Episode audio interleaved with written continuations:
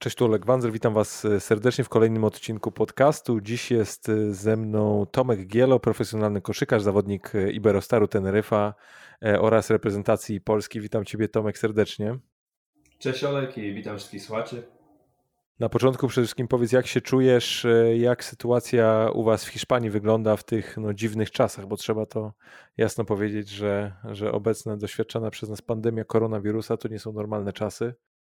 I zastanawiam się, jak tam, jak tam się trzymasz. Tak, tak. E, zgadza się, sytuacja jest, no, można tak powiedzieć, dziwna, bo e, siedzimy w domach. E, sytuacja, wiadomo, w Hiszpanii jest no, dość nieciekawa. E, o tyle dobrze ja mam w tym momencie, bo żyję na Teneryfie, to są Wyspy Kanaryjskie i jest to w tym momencie najbezpieczniejszy region, e, jeżeli chodzi o Hiszpanię. E, nie ma tutaj żadnego przypadku zgonu, niska liczba zakażeń, także wydaje mi się, idąc dalej, dalej z czasem po prostu te jakieś obostrzenia będą coraz mniejsze i będą się właśnie te jakieś e, ta swoboda powrotu do normalności będzie się zaczynała właśnie od tego regionu, e, ale na co dzień no, obowiązują nas te same przepisy co wreszcie Hiszpanii, także jest zakaz wychodzenia z domu, jedynie można pójść do sklepu, banku, apteki, e, wszystkie biznesy są pozamykane, ludzie pracują zdalnie, ci co mogą, ci co nie mogą niestety no, muszą, muszą siedzieć w domach albo pracują właśnie tak jak już mówiłem w sklepach. I no to życie tak już się ciągnie. Można powiedzieć, że ponad miesiąc jesteśmy w tej kwarantannie i człowiek, ci co, ten co potrafił, znalazł sobie jakąś rutynę, którą, e, którą przestrzega. E, my tak mamy, że mamy rozpisywane treningi każdego dnia e, z klubu. Klub też nam wyszedł z, pomocną ręką i przy, dowieźli nam sprzęt, żebyśmy mogli te treningi odbywać w domu. Także każdy z nas ma rower stacjonarny, jakiegoś rodzaju ciężarki, hantle, kettlebelly, gumy, także wszystko, co potrzebujemy, żeby ten trening e, zrobić w domu, mamy. E, ale wiadomo, no brakuje tego kontaktu z piłką, brakuje tych treningów czysto koszykarskich i na pewno nie będzie to tak, tako, że z dnia na dzień wrócimy do, do naszego zawodu, do uprawiania sportu i z dnia na dzień będziemy mogli wrócić do, do rozgrywania meczów. Słuchaj, no to mam, mam nadzieję w takiej sytuacji, że mm, przez tę najbliższą godzinę z lekkim okładem będziemy mogli trochę od, od y, o, wiesz, wziąć twoją uwagę i, i atencję od, od tych tematów, od siedzenia w chacie, no bo zakładam, że, że siedzisz w domu, czytasz książki, grasz na konsoli, trenujesz i śpisz. Tak, można tak powiedzieć. E, staram się spędzać ten czas produktywnie. Można powiedzieć, że no, troszeczkę głupio to zabrzmi, bo dorosły facet, ale wprowadziłem, musiałem sobie wprowadzić zasadę, że e, żadnego Netflixa czy gier komputerowych do 19 E, dzięki temu mam, że tak powiem, określony czas w ciągu dnia, kiedy mogę być produktywny, mogę właśnie czytać, e, e, też się dokształcać, bo w, tym momencie robię sobie jeden z, kursów online, który miałem, zapatrywałem się już od dłuższego czasu, żeby go zacząć. Teraz dzięki tej kwarantannie pojawiła się ku temu dobra okazja i mogę jednocześnie się dokształcać. A oprócz tego no, różne inne sprawy się pojawiają ktoś, ktoś zadzwoni i poprosi o wywiad, e, Oleg Wanzel poprosi o podcast i tak powiem, te dni mijają, te dni mijają e, produktywnie i zdarza się czasami, że aż się sam chwytam, łapię na tym, że e, można powiedzieć, że brakuje mi wręcz czasu w niektórych dniach i chciałbym jeszcze coś tam więcej zrobić, a tego czasu może mi brakuje, ale no też nie ma co popadać ze skrajności w skrajność, trzeba umieć wykorzystać ten czas na tyle, na ile można, a z drugiej strony na pewno też na takie sytuacje jak ta, kiedy możemy usiąść, pogadać na różne tematy, e, wymienić się opiniami, też, też jest bardzo fajne. Słuchaj, no to, to czeka nas na pewno kilka, kilka tematów. Zastanawiałem się, od, od czego zacząć i, i i mam do Ciebie jedno pytanie. Ono może zabrzmieć potwornie dziwnie, ale jestem przekonany, że każda osoba, która e, szczególnie grała w reprezentacjach młodzieżowych, czy, czy od jakiegoś tam wieku, wiesz, była tym takim prospektem szeroko pojętym, niezależnie od dyscypliny, miała ten taki reality check. I, i zastanawiam się, mm, jak sobie poradziłeś z faktem, że nie jesteś już młody i perspektywiczny? Jeszcze to jest bardzo dobre pytanie i powiem Ci, że tak jak jeszcze właśnie tak się przy, przyjmuje ta, tą łatkę tym młodym zawodnikom, że młody perspektywiczny, on ma jeszcze czas na granie, tak mnie uderzyło, że ja w tym momencie już nie jestem, nie mogę być traktowany jako młody zawodnik, to moment, kiedy skończyłem 25 lat. Bo wtedy jakby do, we mnie uderzyło, że kurczę, to już nie jest ten moment, kiedy mam 21, 22 lata i jeszcze można mnie podciągnąć po tego zawodnika młodego. Tylko nie, aż w tym momencie jestem jakby no, pełnoprawnym zawodnikiem, muszę zdobywać jakieś, osiągać swoje cele, wchodzić na te swoje wyżyny umiejętności i walczyć, że tak powiem, o budowanie tej swojej takiej no, legendy, można by tak powiedzieć, tej swojej kariery. E, także ten moment skończenia 25 lat to był ten taki reality check, a na pewno też takim momentem dla mnie fajnym było pierwsze powołanie do seniorskiej reprezentacji Polski. E, w tym momencie miałem 20 lat i miałem okazję przygotowywać się, brać udział w przygotowaniach do Eurobasketu w roku 2000, do, to było na rok 2013 i trafiłem idealnie pod tym względem, że to był ostatni taki rok, kiedy można powiedzieć, że ta kadra miała wszystkie te swoje gwiazdy. I wtedy ja przyjechałem, mając 20 lat i byłem w tej samej reprezentacji co Marcin Gortat, Maciej Lampę, Michał Ignerski, którego ja byłem zawsze wpatrzony jako taki no, przykład zawodnika, którego karierą, ja, ja, ja, którego śladami ja bym chciał podążać. E, Łukasz Koszarek w, kwiecie swojego wieku, e, Krzysztof Szubarga, e, Tomasz Kelati, z, Amerykanin z polskim paszportem, który również no, karierę zrobił niesamowitą na skalę europejską. Także ta kadra naprawdę miała wielu, wielu zawodników, którzy byli wtedy jakby w no, swoim szczytowym momencie lub jakby tuż po, na, po, po tym swoim piku. I ja miałem okazję po prostu przyjechałem na to pierwsze zgrupowanie. No i nie ukrywam, te pierwsze parę dni naprawdę no, chodziłem, można powiedzieć, z otwartą, z otwartą, z otwartą buzią, bo no po prostu byłem wpatrzony w tych zawodników, starałem się na tyle, na ile mogę czerp, czerpać od nich wiedzę i na pewno też no, taki to był dla mnie reality check, że okej, okay, to już jest inny poziom, nie masz tutaj mowy o jakiejś taryfie ulgowej, junior, nie junior, tylko dostałem powołanie do reprezentacji Polski seniorów i teraz muszę walczyć o swoje na każdym treningu, na, w każdym meczu. To, to powiedz, jak ty tą swoją dotychczasową walkę oceniasz? No bo mm, wydaje mi się, że jesteś takim wręcz modelowym przykładem, wiesz, chłopaka, który z jednej strony dużo osiągnął na, na etapie tej sportu, czy w swoim przypadku koszykówki juniorskiej, mm, wyjechał za granicę, gra w dobrych klubach, z drugiej strony też y, były te takie bardziej mroczniejsze mm, etapy twojej kariery, kontuzje, e, czy, czy dłuższe etapy na ławce, nie? I, i zastanawiam mhm. się, jak, jak ty na siebie patrzysz dzisiaj z perspektywy no tego już, wiesz, 27-latka, e, gościa po, po jakichś tam przejściach, z drugiej strony bardzo świadomego i, i po, wydaje mam, mam jak, takie wiesz, poczucie, jak często gadaliśmy, że jednak trochę inaczej patrzący na tę dyscyplinę niż właśnie ten dwudziestolatek, nie? Tak. E, zaczynając od początku, powiedziałem, że w tym momencie nie czuję się spełniony jako koszykarz, bo na pewno mam jeszcze wiele rzeczy, które chciałem osiągnąć, ale z drugiej strony też mi się wydaje, że w miarę jak te lata upływają, człowiek się przyzwyczaja do tego faktu, że e, zawsze jakby ten, ten głód osiągnięcia jeszcze kolejnych celów, jeszcze wejścia na wyższy poziom zawsze jest i E, nie wiem, czy on w pewnym momencie przemija, jak już będę miał 33-34 lata, ale na ten moment ten głód gry, chęć zdobywania, jakby no, no, znoszenia się na kolejne poziomy u mnie cały czas jest. I z jednej strony można powiedzieć, że tak, że już coś tam osiągnąłem, udało mi się e, na ten moment no, spędzić 4 lata w,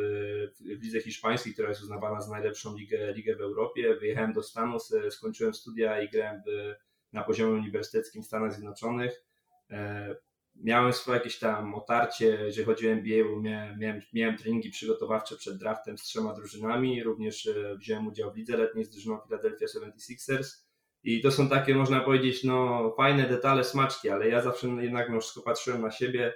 troszeczkę z perspektywy tego tak zwanego underdoga, bo nawet jeżeli wziąć pod uwagę mój rocznik, to jest rocznik 93, e, to w naszej kadrze młodzieżowej my zawsze mieliśmy ogromny potencjał, wiele, wiele talentów, i oczywiście na pierwszym planie zawsze był Mateusz Ponitka, był Przemek Karnowski, e, Piotrek Niedźwiecki i zawsze ja byłem gdzieś tam no, na tym, na drugim planie, jako to jest też Tomek Gielo, leworęczny, tam e, dobre ma warunki, zobaczymy co z niego będzie, ale zawsze jednak byłem traktowany jako ten taki z tyłu, że o może coś z niego będzie, może nie. I chyba jednak tak, no, przez całe moje życie byłem ja miałem tak może, no może niepotrzebnie trochę sam sobie tą łatkę przypiąłem, ale tego właśnie underdoga, ale na pewno ona mi pomaga na co dzień, bo w żadnym momencie nie mogę sobie pozwolić, że tak powiem, osiąść na jakichkolwiek laurach, tym bardziej nie uważam, że w tym momencie mogę sobie pozwolić, no mogę powiedzieć, że jakiekolwiek te laury mam, bo chcę dalej, e, dalej się spełniać, ale mówię, od małego miałem tą właśnie tą chęć pokaza- utarcia wszystkim nosa i pokazania, że, że mogę coś osiągnąć i nawet taką jako ciekawostkę mo mogę powiedzieć, że jeżeli chodzi o etapy juniorskie, to na każdym szczeblu U16, U18, U20 udawało mi się zdobyć medal Mistrzostw Polski. Zawsze z inną drużyną i zawsze z drużyną, którą, że tak powiem, nikt się nie spodziewał, że będzie w stanie osiągnąć dany sukces. Czyli tam, nie wiem, w wieku 16 lat e, miałem taką sytuację, że pół roku spędziłem grając w drużynie z Zielonej Góry, między innymi z Filipem Marczakiem, obecnym zawodnikiem Legii Warszawa. I udało nam się zdobyć Mistrzostwo Polski, a opierało się to na tym, że ja od poniedziałku do piątku chodziłem do szkoły normalnie w, w Szczecinie E, skąd, skąd pochodzę. Później w piątek albo wsiadałem w pociąg, albo zdarzało się też, że rodzice mnie podwozili do Zielonej Góry. Tam w sobotę odbywałem trening, w niedzielę rano graliśmy mecz, po czym wracałem na poniedziałek z powrotem do, do szkoły i ta, ta, tak, że tak powiem, wyglądało pół roku mojego życia. Zwieńczeniem tego wszystkiego było to, że udało nam się zdobyć Mistrzostwo Polski, czego, że tak powiem, nikt się nie spodziewał. W następnym roku udało mi się zdobyć, mając 17 lat, medal Mistrzostw Polski U20, grając z drużyną juniorów starszych w Szczecinie. Także e, byłem jednym z najmłodszych w drużynie, a jednocześnie w turnieju finałowym udało mi się zdobyć, e, dostać do piątki najlepszych zawodników turnieju i to również była jedna wielka niespodzianka. Nikt się nie spodziewał, że jesteśmy w stanie e, zdobyć ten srebrny medal. I na koniec jeszcze, jak już byłem, wyjechałem ze Szczecina, spędziłem jeden rok w Szkole Mistrzostwa Sportowego w Cetniewie razem z Przemkiem Karnowskim, którego też dobrze, e, dobrze znasz. E, Pozdrawiam, pozdrawiamy Przemka no, Pozdrowienia dla Przemka, tak, tak zwana Big Mamba. tak, świetny, świetny, świetny facet i na boisku i poza nim można powiedzieć, że człowiek legenda. Ale wracając do tematu z W niektórych środowiskach na pewno. Tak, zgadza się. A w każdym razie z Przemkiem razem uczęszczaliśmy do Szkoły Mistrzostwa Sportowego, a jednocześnie graliśmy w jego rodzinnym Toruniu w drużynie juniorów opierało się na tym, że chcieliśmy, my chcieliśmy zdobyć medal juniorów starszych, bo w tym jakby roczniku była lepsza drużyna w Toruniu. E, później ze sprawą tam różnych, e, można powiedzieć, przepisów, e, o których nie do końca zdawaliśmy sobie sprawę, w związku z tym, że byliśmy uczniami szkoły mistrzostwa sportowego, nie mogliśmy brać udziału w, niektórych spotkaniach, które zaważyło o tym, że ta drużyna nie mogła wejść potem do, do ćwierćfinału czy bodajże półfinałów Mistrzostw Polski. No i zostaliśmy na tym, że mogliśmy jeszcze grać z drużyną miniorów, która tak naprawdę była zlepkiem zawodników z dwóch drużyn złączonych w jedną. Do tego do, doszedłem ja i Przemek i udało nam się zdobyć trzecie miejsce w Polsce, także w każdej kategorii wiekowej i na każdym poziomie, czy złoto, srebro, czy brąz udawało mi się te medale zdobyć i dla mnie najfajniejsze w tym wszystkim jednak było to, że bez względu na przeciwności, czy musiałem gdzieś dojeżdżać, czy musiałem z, z jakiegoś powodu się poświęcać, czy grać z osobami starszymi od siebie, zawsze te przeciwności losu jakoś udawało mi się pokonywać e, i zwieńczeniem tego było to, że, że, że te sukcesy udało mi się, udało mi się odnosić. E, dalej, tak jak mówisz, jeżeli chodzi o, e, o kontuzję czy tego, te, tego rodzaju rzeczy, oczywiście one się zdarzają i to tutaj również no, można powiedzieć, że jestem przykładem osoby, która dość do, przeżyła wystarczająco, można powiedzieć, liczbę kontuzji jak na, jak na jedną karierę.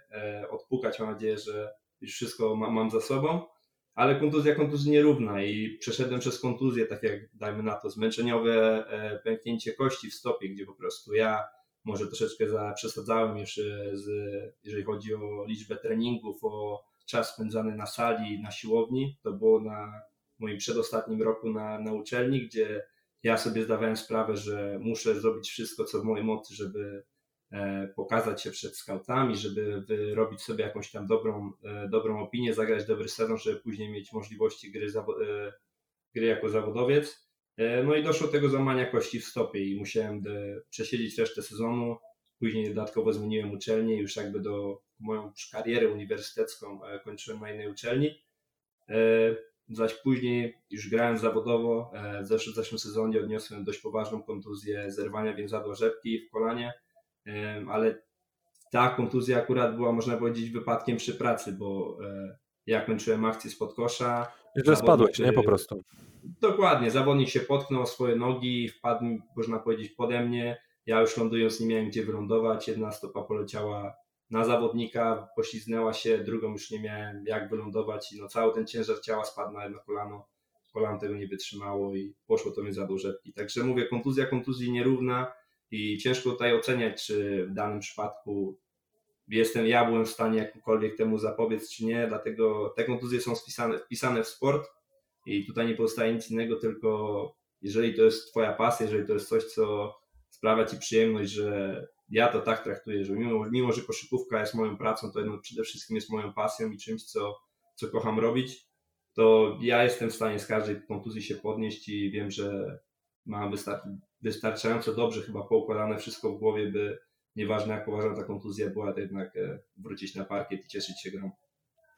Słuchaj, zanim, zanim przejdziemy do, do tematów y, tych twoich tam, wiesz, medali i, i różnych doświadczeń, bo, bo bardzo mnie ciekawi, mm, ciekawe twoje wspomnienia w związku z, z etapem, wiesz, tej drużyny U17, która zdobywała mhm, wicemistrzostwo świata, wiesz, bo już no, minęło od tego 10 lat co też jest jakąś takim, wiesz, fajnym według mnie momentem do, mm, do, do, do spojrzenia na to z, pe z pewnej perspektywy, ale bardzo mnie jedna rzecz zastanawia i to jest y, pytanie y, drugie z cyklu być może głupie, a być może ciekawe, e, Mianowicie zastanawiam się, czy patrząc wiesz, na siebie z perspektywy mm, kariery i z perspektywy tego, wiesz, gdzie jesteś obecnie i, i, też jaką, jaką drogę przeszedłeś, czy ty uważasz, że ty umiesz i rozumiesz jakby grę w koszykówkę? W takim rozumieniu, wiesz, dyscypliny i czy, i czy, ty, tak. czy ty uważasz, że, że faktycznie wiesz, na czym ta dyscyplina polega i, i, i rozumiesz jakby co na co wpływa, bo, bo w, jednym z, w jednym z wywiadów, który, które wiesz, oglądałem sobie przed, y, przed, przed tym naszym podcastem powiedziałeś, że miałeś takie poczucie, szczególnie w, w, wiesz, w NCAA, że było bardzo wielu ludzi, którzy mieli, wiesz, super atletyzm, świetne warunki, ale nie potrafili grać w kosza, mm. nie? I zastanawiam się, jak ty na siebie patrzysz z tej perspektywy, wiesz, z, mając, wiesz, nie wiem, te 27 lat i, i tak, no, tak, tak. 10, 10 lat, czy tam 9 lat kariery zawodowej, no, let's say. Mm -hmm. To zacznijmy od tego drugiego członu, czyli czy potrafię, czy uważam, że potrafię grać w koszykówkę. Wydaje mi się, że na tym etapie tak, potrafię grać w koszykówkę i też wydaje mi się, że nie jest przypadkiem to, że moja kariera idzie, przebiega tak, jak przebiega do tej pory. E, ale na pewno też musiałem swoje, że tak powiem, frycowe zapłacić na każdym poziomie. I czy to był, były rozgrywki juniorskie, czy to był już potem wyjazd do Stanów, gdzie ja wjeżdżając do Stanów, no można powiedzieć, byłem takim chucherkiem. Miałem, miałem jakiś swój atletyzm, byłem zawodnikiem leworęcznym, potrafiłem zagrozić rzutem za trzy punkty, ale e, każdy widział, że no tak jakby moim największym problemem jest ta fizyczność, że no brakuje mi po prostu tej, tej obudowy mięśniami, E, brakuje mi tego czasu spędzonego na siłowni i tak naprawdę na siłowni zacząłem pracować dopiero no, w ostatnim roku liceum, czyli w, tym, e, w Szkole Mistrzostwa Sportowego w Cetniewie. E, mieliśmy świetnego trenera przygotowania fizycznego, trenera Mirka Cygana, profesjonalista, dużo czasu też wiele lat spędził też pracując z drużyną Maseko Prokomu Gdynia, zdobywając tytuły i grając, grając w Eurolidze, także facet naprawdę skarbnica wiedzy, E, świetny człowiek i zawsze będę bardzo miło go wspominał, ale że tak powiem, on dopiero wprowadził jakiekolwiek fundamenty, jeżeli chodzi o tą pracę na siłowni w, w mojej karierze. I wjeżdżając do Stanów, ja już myślałem, że w jakimś stopniu mam opanowane pewne ćwiczenia, a taką anegdotę mogę powiedzieć, że idąc pierwszy raz na zajęcia na siłowni, już na uczelni, e, trener przygotowania fizycznego założył pewien ciężar tam lekki, no nie ma co ukrywać, był to ciężar lekki na e, na ojciec. No, założył pewien ciężar i powiedział, że no, zrobimy wyciskanie na klatkę, zacznijmy tam od rozgrzewki, zrób 6 powtórzeń, żeby się rozgrzać i potem sprawdzimy na, jakby, na, na jakim jesteś poziomie. No i rozgrzewka wyszła tak, że ja udało mi się zrobić tam może 4,5 powtórzenia, a już da więcej nie mogłem zrobić, a to była rozgrzewka. I pamiętam, że ten trener wtedy na mnie, na mnie spojrzał i tak powiedział, że no słuchaj, wiele, wiele pracy przed nami. Rozumiem, że usłyszałeś, usłyszałeś mityczne We have a work to do. Tak, dokładnie, dokładnie. We have a lot of work to do. E, I rzeczywiście tak było. I była taka sytuacja, gdzie ja jako pierwszoroczniak udało mi się przebić do pierwszego składu, grałem, występowałem w pierwszej piątce, a jednocześnie tych minut nie grałem może aż, aż, aż tyle, co ile mi się w tamtym momencie wydawało, że powinienem grać, ale już mniejsza o to. W każdym bądź razie e, Cała sprawa wyglądała tak, że mieliśmy pewien plan z trenerem przygotowania fizycznego. Jeżeli był mecz, w którym grałem mniej niż 15 minut, to od razu po zakończeniu meczu wchodziliśmy do szatni, była odprawa z trenerem. Ja jedyne co robiłem, to zmieniałem koszulkę meczową na koszulkę treningową, nie ściągałem butów, nie ściągałem, nie przebierałem się nic, jedynie koszulkę i szedłem prosto na siłownię i robiłem dodatkowy trening na siłowni. I to był taki no, pierwszy etap, na którym ja musiałem ja musiałem najpierw nadrobić i zapłacić to swoje frycowe, żeby móc w ogóle walczyć na tym samym pułapie co inni zawodnicy. Mimo, że może tam powiedzieć, że techniką czy moim rzutem wyróżniałem się na tle innych, to jednak no, brakowało mi przede wszystkim tej fizyczności. Ona z czasem przychodziła, tylko też no, praca na siłowni nie jest tak, że efektów nie widzisz z dnia na dzień czy z tygodnia na tydzień, tylko to jest no, jakby starasz się stworzyć pewne,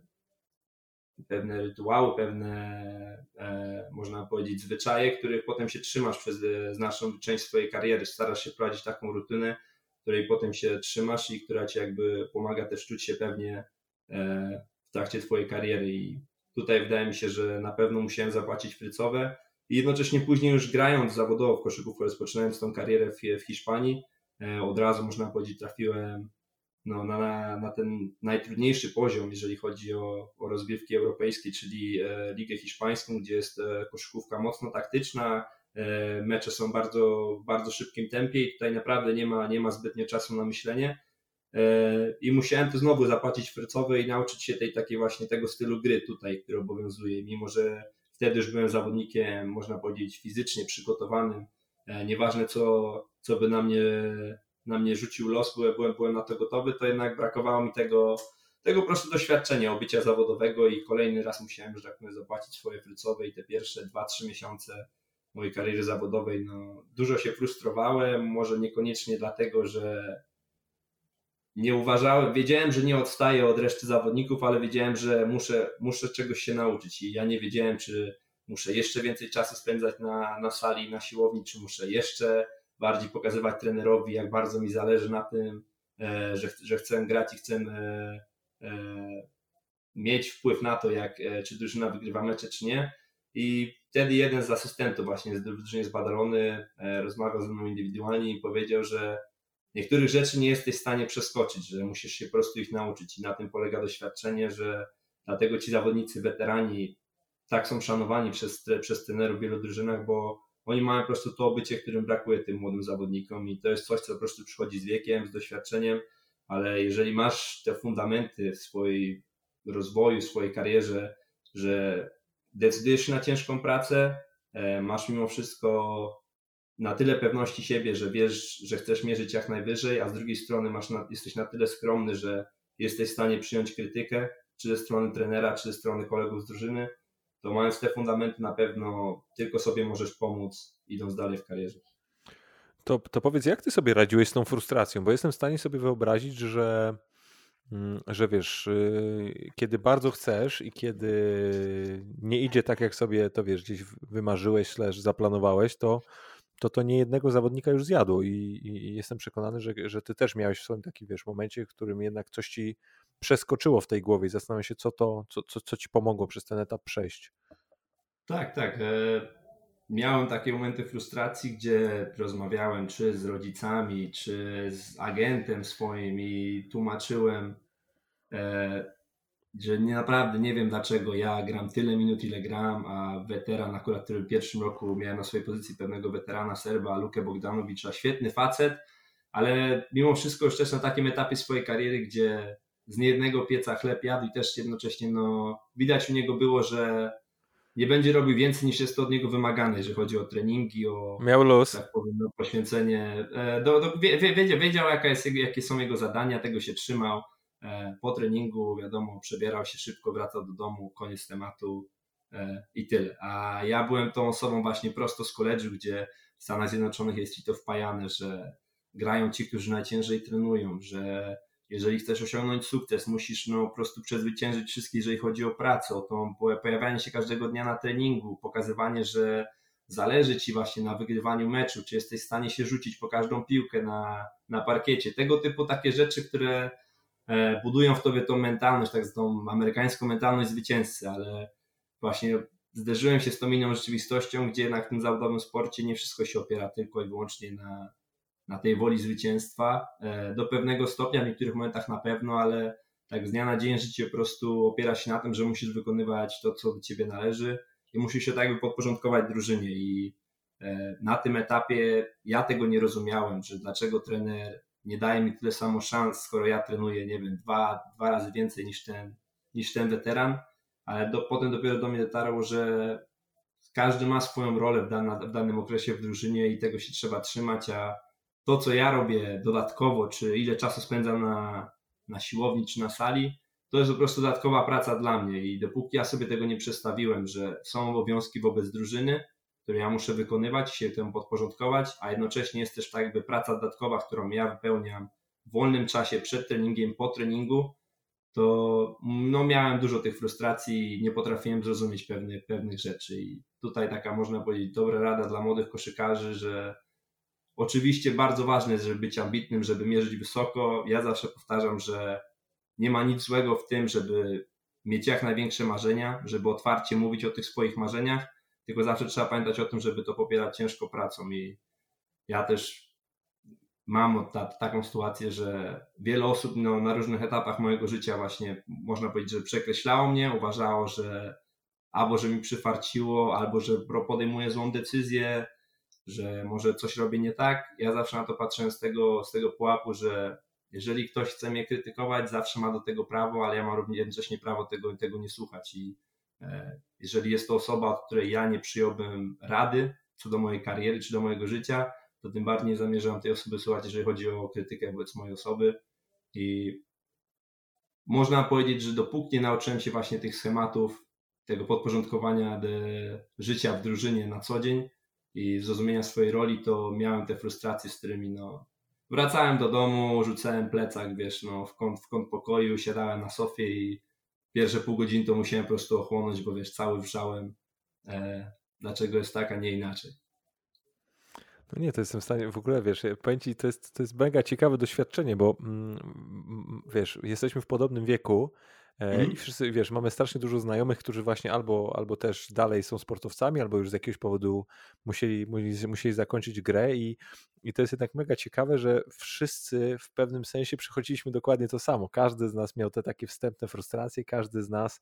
był w jakimś takim punkcie, który uważał, że wiesz, zasługuje na coś więcej, po czym patrzy i literalnie każdy patrzy na to z perspektywy czasu i sobie myśli, no dobra, to jednak faktycznie może warto, żebym wtedy, wiesz, siedział cicho i, i był spokojny, nie? A tak to ci tak, tak głowa tak. buzuje i tylko wiesz, jesteś Dokładnie, nagrzany po prostu. I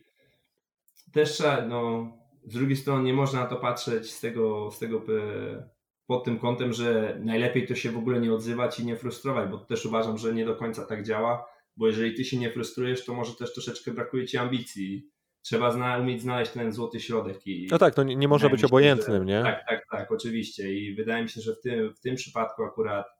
ważne jest, żeby mierzyć wysoko, ale jednocześnie mówię, też trzeba się nauczyć podporządkować temu celowi czy danemu zadaniu, które przed sobą masz, czyli funkcjonowaniu w drużynie, bo jednocześnie jeżeli będziesz chodził sfrustrowany, każdemu tylko narzekał, że o, powinienem grać więcej, powinienem to tamto, to również nie, nie działa to dobrze na Twoich kolegów zespołu i pewnego dnia możesz się obudzić e, na zasadzie, że o kurczę, nikt ze mną nie gada w drużynie, bo wszyscy jak ze mną rozmawiają, to ja tylko i wyłącznie opowiadam o jakichś negatywnych rzeczach, czy dlaczego nie gram, dlaczego powinienem grać więcej. Także mówię, tutaj trzeba umieć znaleźć ten, ten, ten złoty środek, ale ta dodatkowa praca, z niej nie można rezygnować, bo ona jest jakby, pracujesz na własne konto i tak jak pracujesz na, na konto drużyny, wygrywając mecze z zdobywając jakieś tytuły, trofea, tak jednocześnie zawsze musisz pamiętać, że pracujesz na własny rachunek i w sytuacji, gdzie nawet w tym sezonie mam taką sytuację, gdzie wróciłem po kontuzji i już mi się wydawało, że ja pokonałem kontuzję, więc teraz po prostu wszystkie drzwi, furtki stoją przed mną otwarte i będę teraz mógł się cieszyć grą. E, również w tym sezonie miałem taką lekcję od życia, że znowu, znowu trzeba się podporządkować. Mamy bardzo, mieliśmy bardzo ambitne cele na, na ten sezon jeżeli chodzi o drużynę, drużynę zbudowaną praktycznie od nowa, bo jestem jednym zawodnikiem, który został z poprzedniego sezonu i znowu musiałem się tak jakby odnaleźć tej innej rzeczywistości, e, walczyć o swoje, jednocześnie cały czas pracując na własne konto, jeżeli chodzi o to kolano, żeby ono praco funkcjonowało tak jak powinno, żebym nie zaniedbywał tych swoich obowiązków, jeżeli chodzi o jakieś ćwiczenia korekcyjne czy dodatkową pracę na siłowni. I mówię, to trzeba umieć pogodzić, ale to jest jakby wpisane, można powiedzieć, w tą, w tą karierę koszykarza i E, nie odbywa się to tylko i wyłącznie tak, że idziesz na trening, po czym wracasz z treningu, odpalasz playa i sobie, sobie, sobie grasz w gierki. Wiesz co, jak tak mówisz o tym, to zwróciłem uwagę na, na jedną rzecz i w sumie mnie to, mnie to zastanawia. Jestem ciekawy bardzo twoje, czy, czy, czy, czy to jest, y, czy masz jakieś przemyślenia z tym związane, bo gdy powiedziałeś o tej, o tej, wiesz, potrzebie adaptacji, czy umiejętności adaptacji i odnalezienia siebie w jakiejś nowej rzeczywistości, to mam takie poczucie, że, że naprawdę możesz sporo o tym powiedzieć, nie? No bo zobacz, z jednej strony tak, kilka drużyn młodzieżowych, dwa uniwersytety, epizod w, w lidze letniej i, i, te, i te treningi z drużynami NBA, ponadto potem mhm. jeszcze dwa, dwa kluby zawodowe, no to tak naprawdę twoja dotychczasowa kariera koszykarska od tego profesjonalnego poziomu to jest jedna wielka zmiana, nie? Zgadza się i tu z drugiej strony ktoś może powiedzieć, no to w takim razie jestem typem osoby, która nie jest w stanie wysiedzieć w jednym miejscu, a bo właśnie z drugiej strony ja tak na siebie patrzę, że jestem osobą, która wręcz szuka takiego swojego miejsca, ja bym chciał bardzo znaleźć takie swoje miejsce, gdzie wiesz, to jest już może już aż nie jest aż tak e, często spotykane w dzisiejszym sporcie, ale są takie osoby, które są, tworzą jakby, stają się ikonami danego zespołu i że jak myślisz o jakiejś drużynie, to patrz na danego sportowca i z nim go, że tak powiem, sobie przypisujesz. I to było zawsze dla mnie coś takiego specjalnego, że e, nie wiem, dajmy na to, jeżeli myślisz o Lakersach, to mówisz Kobe Bryant, e, jeżeli mówisz o Miami Heat, to myślisz Dwayne Wade, w polskiej lidze, jeżeli myślisz, nie wiem, w tym momencie Wisła Kraków, to mówisz Kuba, Kuba Waszczykowski. E, zawsze patrzyłem z takim, że tak powiem, z specjalnym sentymentem na, na, na takich zawodników, e, bo jednak ten sport to jest chyba troszeczkę coś więcej niż po prostu kontrakty, e, robienie co do ciebie należy i, i, i tyle. I zmiana, zmiana klubu co rok, co dwa. Dlatego no to tak, patrząc na przebieg mojej kariery, a na to jak ja, że tak powiem, miałbym może wizję na, na moją karierę na przyszłość, to można powiedzieć, są dwa, dwa różne światy, ale wydaje mi się, że to też przychodzi z czasem i e, nie, nie mamy obecnie takiej może sytuacji, gdzie my jako Polacy możemy całą karierę, jeżeli mamy jakieś tam określone możliwości, że moglibyśmy całą karierę spędzić w jednym klubie, wpadajmy na to w Polsce, bo często jest tak, że jeżeli jesteś młodym, perspektywicznym talentem, to pierwsze o czym myślisz to o wyjeździe z Polski. E, nie jest tutaj w żadnym razie krytyka klubów w Polsce, nic takiego, ale takie są realia i od małego, czy to małego, od poziomu juniora pojawiają się głosy, że o, ten ma talent, ten już jak najszybciej powinien wyjechać w Polski, ten powinien szukać swojego miejsca w Europie, o, ten najlepiej, żeby pojechał na, e, na studia do Stanów Zjednoczonych i e, tak to po prostu wygląda, więc w związku z tym może też no, ta moja wizja troszeczkę odbiega od, od, od realiów, jakie, jakie są w rzeczywistości. A ta adaptacja wydaje mi się, że no już na tym, na tym etapie jestem w stanie się zaadaptować w każdych warunkach. E, jestem osobą, która dość no, łatwo nawiązuje no, nowe kontakty, także z aklimatyzacją w nowej drużynie nigdy nie mam problemu. E, można powiedzieć, że mam też taką, jestem osobą, no, nie wiem jak inaczej nazwać, takim śmieszkiem drużyny, e, jeżeli chodzi o jakieś dowcipy, żarty i tak dalej, także uważam, że to bardzo też jednoczy zespół, jeżeli jesteśmy się w stanie pośmiać wspólnie z czegoś. E, I pod tym względem ta adaptacja nie sprawia mi jakichś większych problemów. E, zobaczymy, jak będzie wyglądało to dalej w mojej karierze. Na ten moment również e, jestem sam, nie mam rodziny, więc to też na pewno ma jakiś wpływ na to, że troszeczkę łatwiej jest mi zmieniać środowisko, w którym żyję. Słuchaj, w, wspomniałeś Kobiego, nie? Mm, mhm. Powiem ci, że nie, nie sądziłem, że, że jakiekolwiek wydarzenie sportowe może mną tak wstrząsnąć jak, jak, jak, jak jego śmierć ostatnia i zastanawiam się, jak ty w ogóle sobie z tym radzisz, jako wiesz, gość, który tak naprawdę dorastał w piku jego kariery i no, to był na pewno, wiesz, jedno z trzech topowych nazwisk, które wówczas grało w lidze, niezależnie od tego, czy go lubiłeś, czy nie. I, i zastanawiam się, wiesz, jak ty w ogóle na to, to, to tak, przeżyłeś tą historię.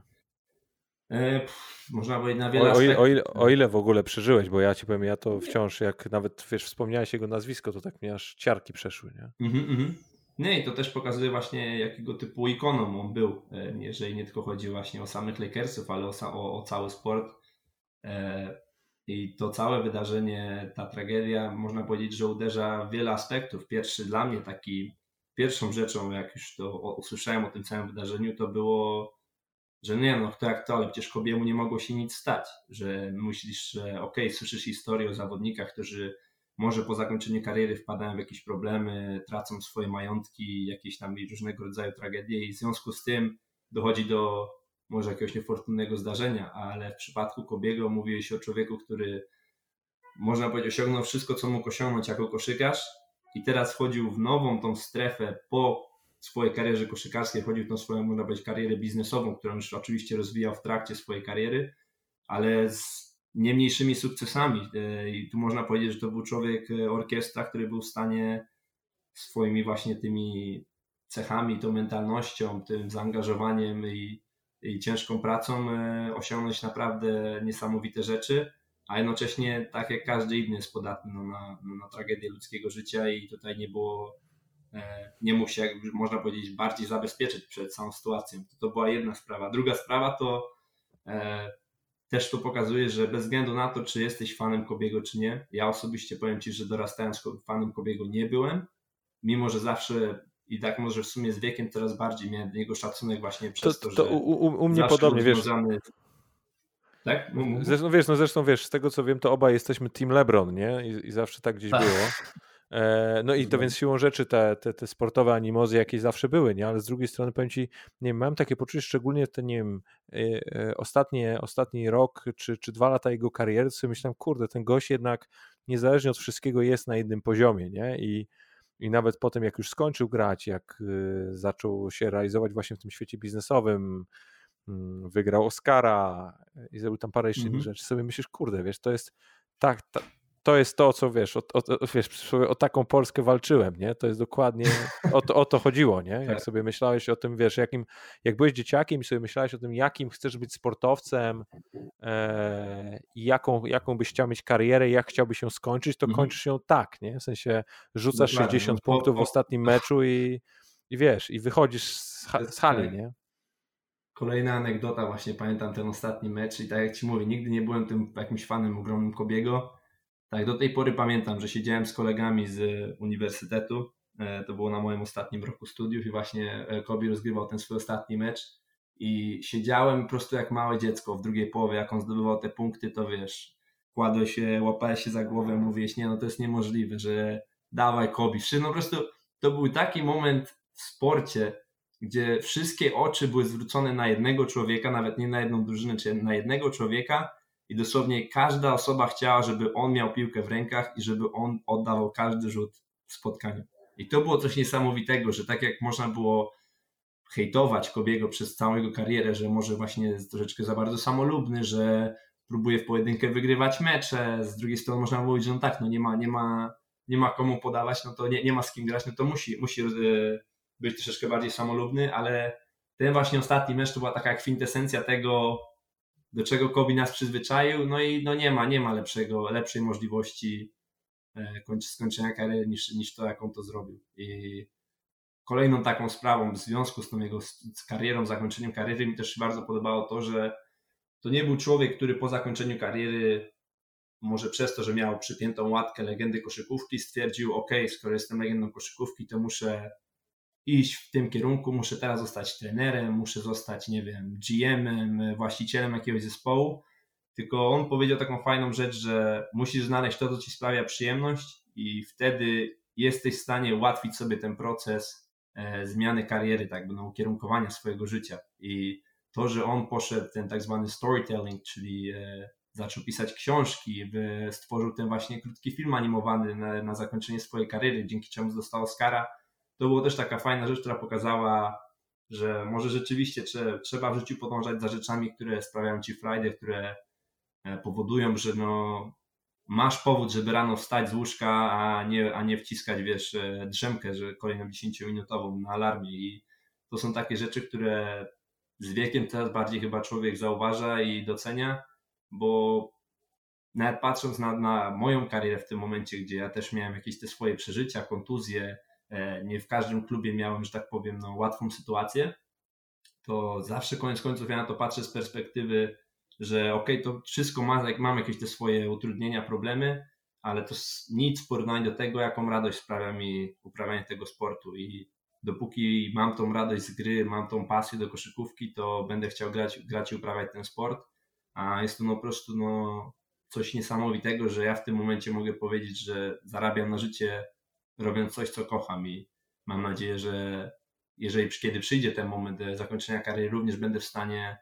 e, dość płynnie przejść do następnej rzeczy, która, która będzie mi sprawiała tyle, tyle przyjemności. A widzisz już coś takiego na, na horyzoncie, co ci właśnie tą frajdę sprawia? Co wiesz, gdzieś złapałeś bakcyla? No bo mm -hmm. wiem, mhm. że, że wiesz, sam wspomniałeś o książkach, o kursach i jesteś raczej gościem, który, który nie siedzi na tyłku, tylko, tylko aktywnie szuka i, i się, i się tam różnymi rzeczami inspiruje. No zresztą wiesz, wielokrotnie, wielokrotnie na ten temat rozmawialiśmy i zastanawiam się, co wiesz, co, co dzisiaj jest na twojej agendzie. Mhm, e, tak, e, powiem szczerze, że jest wiele, tak powiem, drzwi, które, które chciałem zapukać i, że tak powiem, po kolei pukam i sprawdzam, czy to jest coś, co, w czym bym się widział e, w przyszłości. I jednocześnie wydaje mi się, że nie, człowiek nie powinien się ograniczać do tego, że w takim razie mogę być tylko i wyłącznie jedną rzeczą. Jeżeli byłem koszykarzem, to po koszykówce mogę zostać tylko trenerem koszykówki, czy agentem, czy czymś takim. Tylko wydaje mi się, że jeżeli człowiek jest w stanie to sobie poukładać i są to rzeczy, które sprawiają ci przyjemność, to jesteś w stanie znaleźć wystarczająco dużo czasu na, e, na kilka z tych rzeczy. I nie wiem, na ten moment e, są rzeczy, które mnie interesują, jeżeli chodzi o inwestycje, są rzeczy, które mnie interesują, e, jeżeli chodzi o świat venture capital, są rzeczy, które mnie interesują, jeżeli chodzi o inwestowanie typowo na giełdzie. Także jeżeli chodzi o sam sport, jest wiele, wiele kwestii, które, które lubię się zagłębiać jednym z takich projektów, które już udało, cieszę się, że udało się nam stworzyć w Polsce, to e, w zeszłym roku stworzyliśmy Związek Zawodowy Koszykarzy. E, mamy nadzieję, że teraz w tym momencie raczkując, ale już mając, że tak powiem, pierwszy sprawdzian w związku z koronawirusem i sytuacją w polskiej lidze, e, będziemy w stanie pokazywać i przekonywać społeczeństwo i przede wszystkim zawodników do tego, że taki związek powinien istnieć i że ma tylko i wyłącznie za zadanie pomagać E, sytuacji koszykówki w Polsce, a nie tutaj tworzyć jakiś dodatkowy e, biznes dla, dla jakichś osób, bo e, nie o to w tym chodzi. Ja tutaj też mam na, na co dzień możliwość podpatrywania, jak funkcjonuje taki związek zawodników w Hiszpanii i wiem, jaki, można powiedzieć, jaki spokój na co dzień mam, wiedząc o tym, że jest podpisana umowa zbiorowa między, między ligą a, a zawodnikami, taka jak obowiązuje w NBA, ten Collective Bargain Agreement, E, także pod tym względem to są takie fajne detale, które mnie interesują, a mówię, w tym momencie jestem człowiekiem, który chwyta się wielu rzeczy, mówię, tak, mam wiele tych furtek, które chciałem zapukać, to po kolei w nie pukam i sprawdzam, czy jest to coś, co mi sprawia przyjemność, ale na ten moment wydaje mi się, że nie jestem Ci w stanie jednoznacznie określić, czy po zakończeniu kariery będę chciał robić tylko i wyłącznie to czy tamto, bo mam nadzieję, e, że, że, że los będzie dalej sprzyjał, przede wszystkim będę mógł dalej kontynuować e, e, swoją karierę koszykarską, a zaś po zakończeniu już będę miał lepszą świadomość tego, co, co dokładnie chciałem robić i może które jakieś dwa czy trzy projekty chciałbym kontynuować. Wiesz co, nie da się nie odczuć, jak tak e, rozmawiamy, ale też e, w ogóle wiesz, ze sposobu, jak mówisz, z tego, co mówisz i jakie,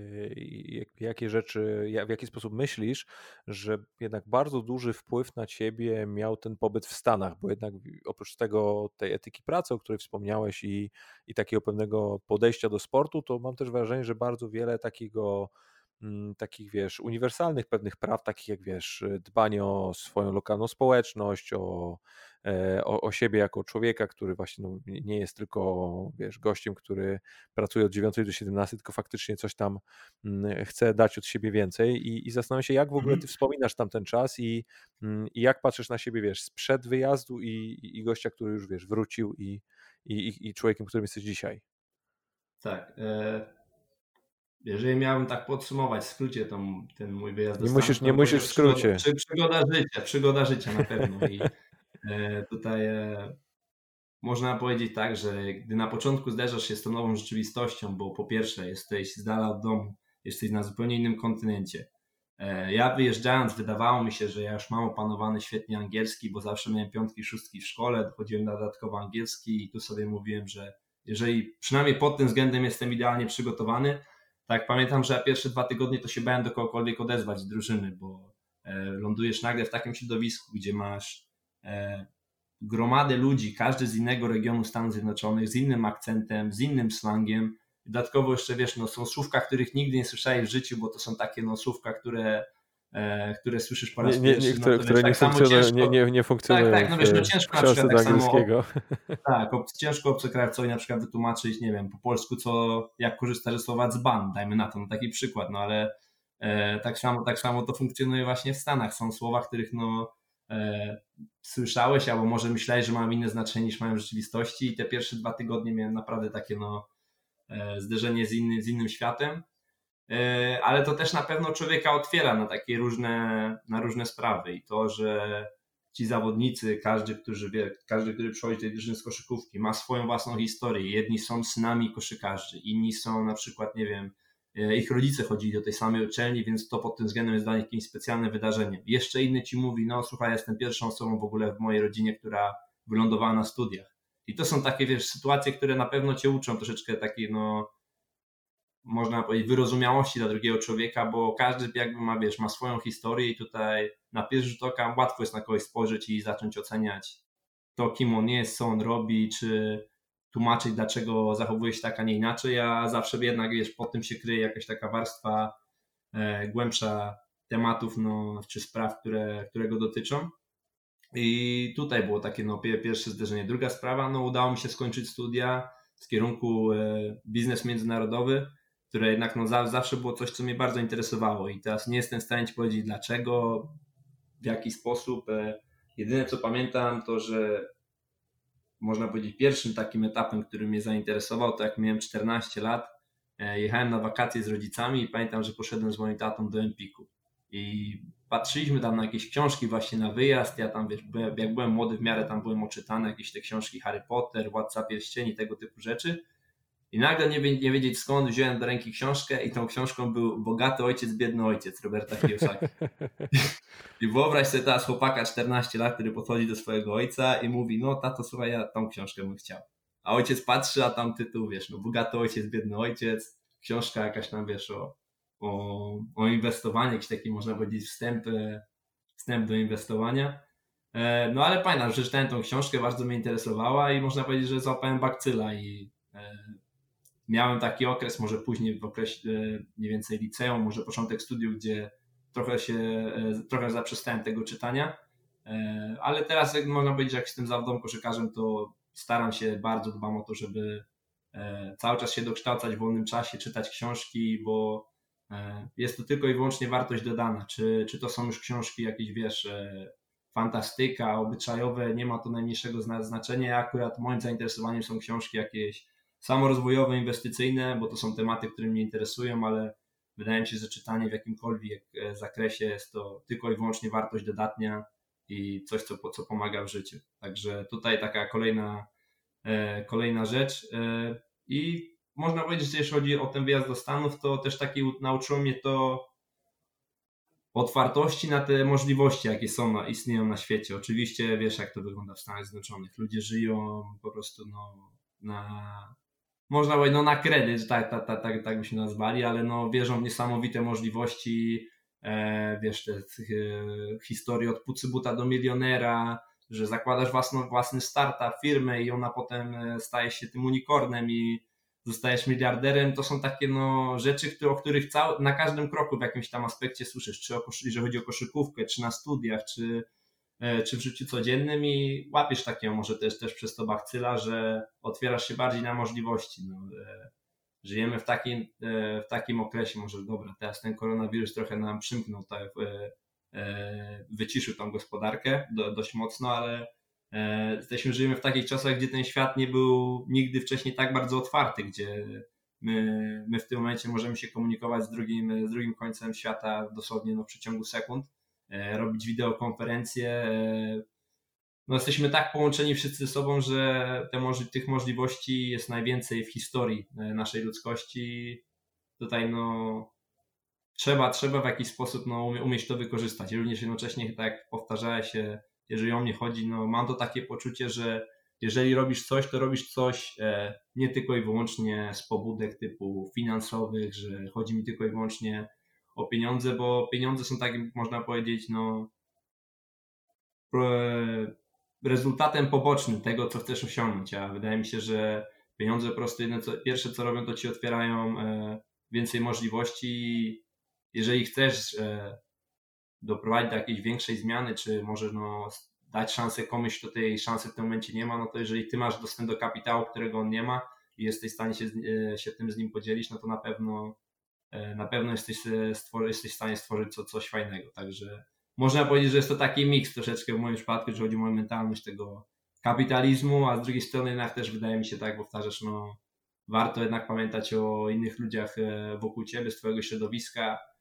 Inną taką ważną rzeczą, bardzo ważną rzeczą, można powiedzieć, że priorytetem dla mnie jest moja rodzina, gdzie do tej pory, będąc już 9 lat poza domem, cały czas jesteśmy w świetnym kontakcie. Można powiedzieć, że no, na jakiejś tej liście moich takich priorytetów życiowych na pewno rodzina jest na pierwszym miejscu.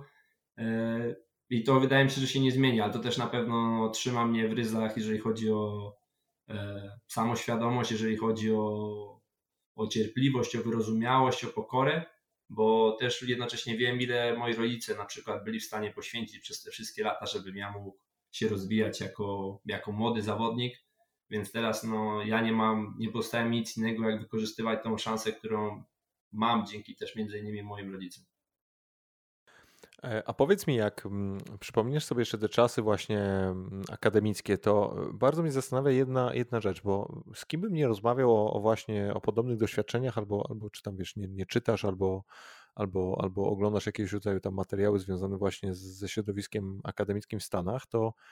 mm, bardzo jest odczuwalny ten taki wszechobecny sen o NBA, czy tam o jakiejkolwiek lidze profesjonalnej. Zastanawiam się, jak, jak w ogóle ty tego doświadczyłeś i czy, i czy na pewnym etapie faktycznie miałeś poczucie, że, że ta liga jest na wyciągnięcie ręki. Jak ty w ogóle wspominasz tamten, tamten czas i, i ta, ta, ta, ta, mhm. taką, wiesz, tą atmosferę, bo, bo wiesz, bardzo jest to odczuwalne jednak, że wszyscy tym żyją, każdy patrzy w tym kierunku. Oczywiście, to jest, wiesz, takie no zamyśle, kiedy mówisz w Stanach Zjednoczonych, na przykład rozmawiasz z kimś, z kolegą z drużyny i on ci mówi I'm going pro, to oni nie mówią, że o będę profesjonalnym koszkarzem, tylko im chodzi, że chodzi o profesjonalną koszykówkę, to mówią tylko i wyłącznie NBA, że ej, ja będę, będę zawodowcem, będę grał w NBA. I to jest taki, no ten wiesz, właśnie ten amerykański sen, gdzie każdy o tym myśli, to czy w liceum, czy w koledżu, tak rzeczywiście jest. I potem można powiedzieć, że w trakcie na przestrzeni czasu no, ludzie się sobie też trochę może no, zdają sprawę, że może rzeczywiście nie jest to aż takie, aż takie łatwe, jakby się wydawało. E, pamiętam, że na pierwszym roku, nie wiem czy to dla każdej klasy pierwszoroczniaków, czy to akurat było wyłącznie dla nas, e, na mojej pierwszej uczelni przygotowali nam taki materiał, gdzie nam wytłumaczyli, że jak ważne są nasze studia, które my podejmujemy w tym momencie i kierunek studiów, który wybieramy, bo można powiedzieć, że szanse na to, że zawodowo będziemy grali, tam pokazywali różne sporty, czy futbol amerykański, baseball, koszykówka, to bodajże w koszykówce było to 3% szans, że skończysz jako zawodowiec. I mówili, że w tym momencie, jeżeli spędzisz najbliższe 4 lata czy 5 lat tutaj na naszej uczelni, to dla nas bardzo ważne jest to, żebyś wyszedł z, z ukończonymi studiami, żebyś coś z tego wyciągnął, bo e, niestety, ale wiesz, no, szansa jest większa, że później będziesz korzystał z, ze swojego wykształcenia bardziej niż e, ze swoich możliwości koszykarskich, bo no te, że te, jak tam powiedzieć, no e, predyspozycje może i masz, ale te szanse nie zawsze, te furtki nie zawsze będą przed tobą stały otworem. I tak jak może właśnie mówię, na początku każdy sobie o tym marzy, to potem tak to życie trochę weryfikuje. U mnie była taka sytuacja, gdzie ja zmieniłem uczelnię, trafiłem z mojej pierwszej uczelni e, Liberty, e, trafiłem do Ole Miss, do Uniwersytetu Mississippi, znanego między innymi dobrze z tego filmu Blindside, e, Sandrą Bullock i o futboliście amerykańskim, który ma niesamowity talent, no i później właśnie trafia na uczelnię Ole Miss. To tam można powiedzieć, że się zderzyłem z takim no,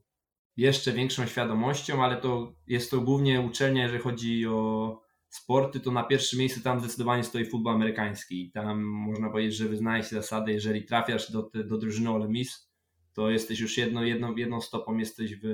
w NFL. E, tak, w NFL i e, wiesz, no ciężko tutaj e, do czegokolwiek to porównać w Polsce czy w Europie, bo przychodzisz na taki mecz akademicki drużyny futbolu amerykańskiego, no i to jest stadion na 70 tysięcy osób, e, po brzegi wypełniony, wszyscy po prostu, wiesz, no od, jeżeli mecz jest, dajmy na to o 18, no to ludzie od 9 rano już są tam, wiesz, przed, e, przed stadionem sobie grillują, e, grają sobie, wiesz, rzucają sobie piłkę do futbolu amerykańskiego i tak spędzają czas, także łatwo jest też tym zawodnikom, można powiedzieć, że przygotować się na to, co ich potem będzie czekało, jeżeli uda im się trafić do tego NFL i u nas akurat, chodzi o koszykówkę, to też ciężko powiedzieć, że mieliśmy słabsze warunki, no bo mieliśmy salę na 10 tysięcy osób, E, również wypełnioną po brzegi. E, jednym z fanów drużyny Ole Miss jest Morgan Freeman, także czy też pojawiał się na naszych meczach. E, jest obecnie w związku z jedną z, z pań, pań profesor na uczelni.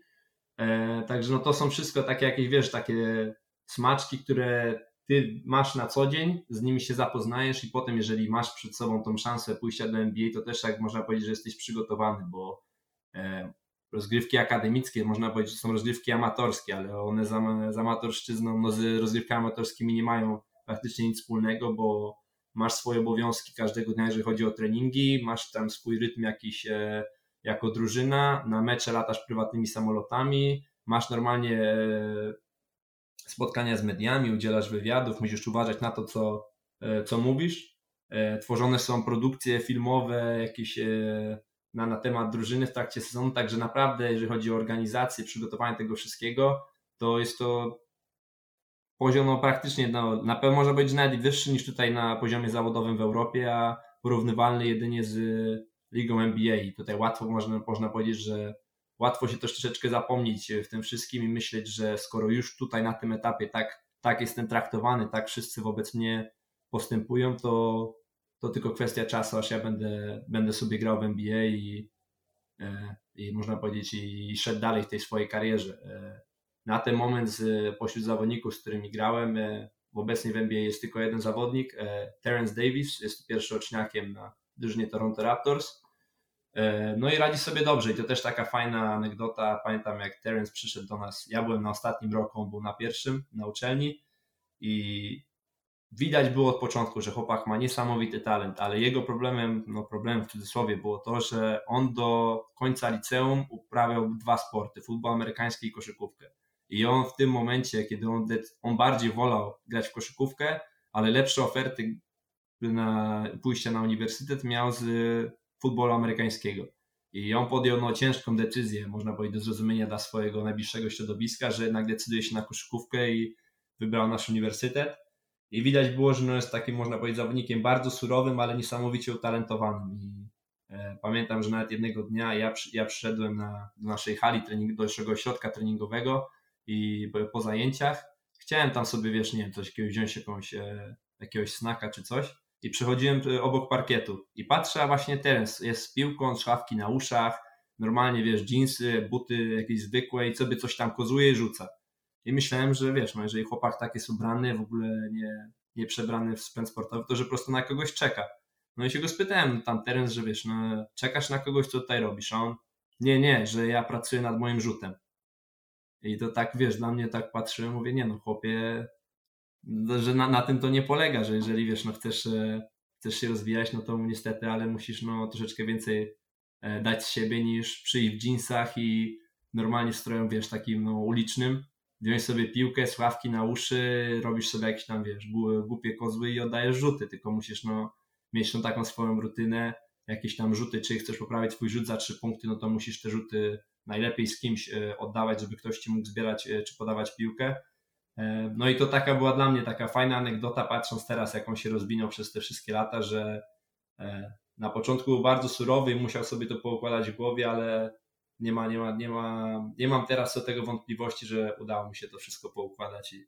e, jest teraz, można powiedzieć, naszą no, nadzieją, jeżeli chodzi o uniwersytet w NBA.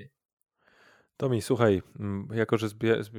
powoli się zbliżamy do końca, to, to chciałem Cię poprosić jeszcze o, o jakąś taką jedno, nie wiem, ogólne przemyślenie albo coś, z czym, z czym chciałbyś mnie zostawić i też jakieś takie przesłanie do słuchaczy, szczególnie może do, do młodych, aspirujących sportowców, co wiesz, ze swojego doświadczenia, co byś im powiedział, albo co byś powiedział sobie, e, temu 17-letniemu Tomkowi wchodzącego, wiesz, w, w duży świat koszykówki. Mhm. Mm, co mógłbym powiedzieć sobie, jak byłem młodszy, i na pewno to też można było dać jako anegdotę do, e, dla młodych zawodników, to bądź głodny wiedzy. I to nie chodzi tylko i wyłącznie o wiedzę, jeżeli chodzi o wykształcenie i tak dalej, ale właśnie jeżeli chodzi o koszykówkę. I szukaj na tyle, na ile możesz, e, rozmawiaj z trenerami, rozmawiaj z zawodnikami doświadczonymi, e, bo też no, widzę, że na przestrzeni lat no, ci weterani, w których ty byłeś patrzony, e, oni potem się tak powiem z tobą ścierają i oni są już na tym etapie końca swojej kariery, gdzie ty jesteś na początku i to jest niesamowita szansa dla każdego młodego koszykarza, żeby czegoś się nauczyć i nieważne czy to są e, bo różnie, różnie przebiegają kariery. Niektórzy zawodnicy mieli niesamowite talenty, ale te kariery nie potoczyły się tak, jak powinny. Inni właśnie nie potrafili wycisnąć 120% z tych swoich karier, ale zawsze jesteś w stanie się czegoś nauczyć i e, jeżeli masz się uczyć na błędach, no też dobrze jest się czasami nauczyć no, e, na błędach innych niż na swoich i wyciągnąć odpowiednie lekcje. Także tutaj jest taka no, jedna rzecz, której na pewno sobie bym powiedział, e, żeby być głodnym, głodnym wiedzy. A druga sprawa, no to też jakby mieć świadomość tego, w jakim kierunku się podąża, bo jeżeli masz jakieś właśnie te swoje wielkie marzenie, takie moje, moje przemyślenie zawsze jest, jeżeli ja będę wszystkim powtarzał w koło, że moje marzeniem jest gra w NBA i będę o tym otwarcie mówił, to jest moje marzenie, o, dzielę się tym ze wszystkimi, zaś później kończę moją karierę i na koniec kariery byłem dobrym zawodnikiem europejskim, grałem w Eurolidze, grałem w Eurocupie, czy tam wiesz, jakichś rozgrywkach europejskich, ale udało mi się osiągnąć ten mocny poziom europejski, to czy ja w związku z tym osiągnąłem sukces, czy powinienem się czuć, wiesz, no o, o, niespełniony. I tutaj wydaje mi się, że mimo wszystko trzeba patrzeć na to, że trzeba mierzyć jak najwyżej, bo nawet jeżeli nie uda Ci się dojść do tego dokładnie poziomu, o którym sobie zamarzyłeś, to zawsze masz okazję wylądować ciutkę niżej, a to i tak e, jest, jest bardzo dobre miejsce, dobre, dobre położenie. I tutaj e, trzeba mierzyć, mierzyć jak najwyżej, a jednocześnie zawsze to popierać ciężką pracą. E, ja mając w tym momencie 27 lat, mówię, cały czas uważam, że jeszcze wiele przede mną, e, mam wiele jakichś tych swoich indywidualnych celów, które, które chcę osiągnąć i, i dalej się spełniać. I także tutaj mam nadzieję, że uda nam się wrócić do, e, jeżeli nie w tym sezonie, to w najbliższym sezonie rozgrywki wrócą, czy będą z kibicami, czy nie, na początku to jest inna kwestia, ale mam nadzieję, że dla mnie jako zawodnika, także dla wszystkich, którzy są kibicami na co dzień, że wrócą te momenty, kiedy my będziemy mogli wyjść na parkiet przy pełnej publiczności, e, którzy będą jakby dawać siebie wszystko dla nas, żeby nas wspierać, a my będziemy mogli zostawiać serce na parkiecie, bo ten sport ma w sobie taką właśnie jedną fajną rzecz, która którą jest to, że łączy ludzi i to są ludzie, którzy są naprawdę z przeróżnych, wiesz, dróg życia, różne kariery, różne, różne sytuacje, ale jest często tak, że właśnie w momencie, kiedy przychodzisz na mecz, to zapominasz o wszystkim, czy masz problemy w domu, czy nie, czy jest dobrze, czy jest źle, po prostu skupiasz się na tym, że chcesz, żeby twoja drużyna wygrała, żeby osiągnęła sukces i jest to coś takiego właśnie dla mnie fajnego jako zawodnika, że, że jesteśmy my w stanie grając w koszykówkę no, łączyć, łączyć wielu ludzi w jakimś tym jednym celu, czyli wygrywaniu meczów. Tomi, słuchaj Brachu, dzięki wielkie za, za Twój czas. Y, życzę Ci dużo zdrowia, dbaj tam o siebie i do usłyszenia, do zobaczenia niedługo mam nadzieję. Tak jest, dzięki wielkie, pozdrowienia dla wszystkich, do usłyszenia. Dzięki.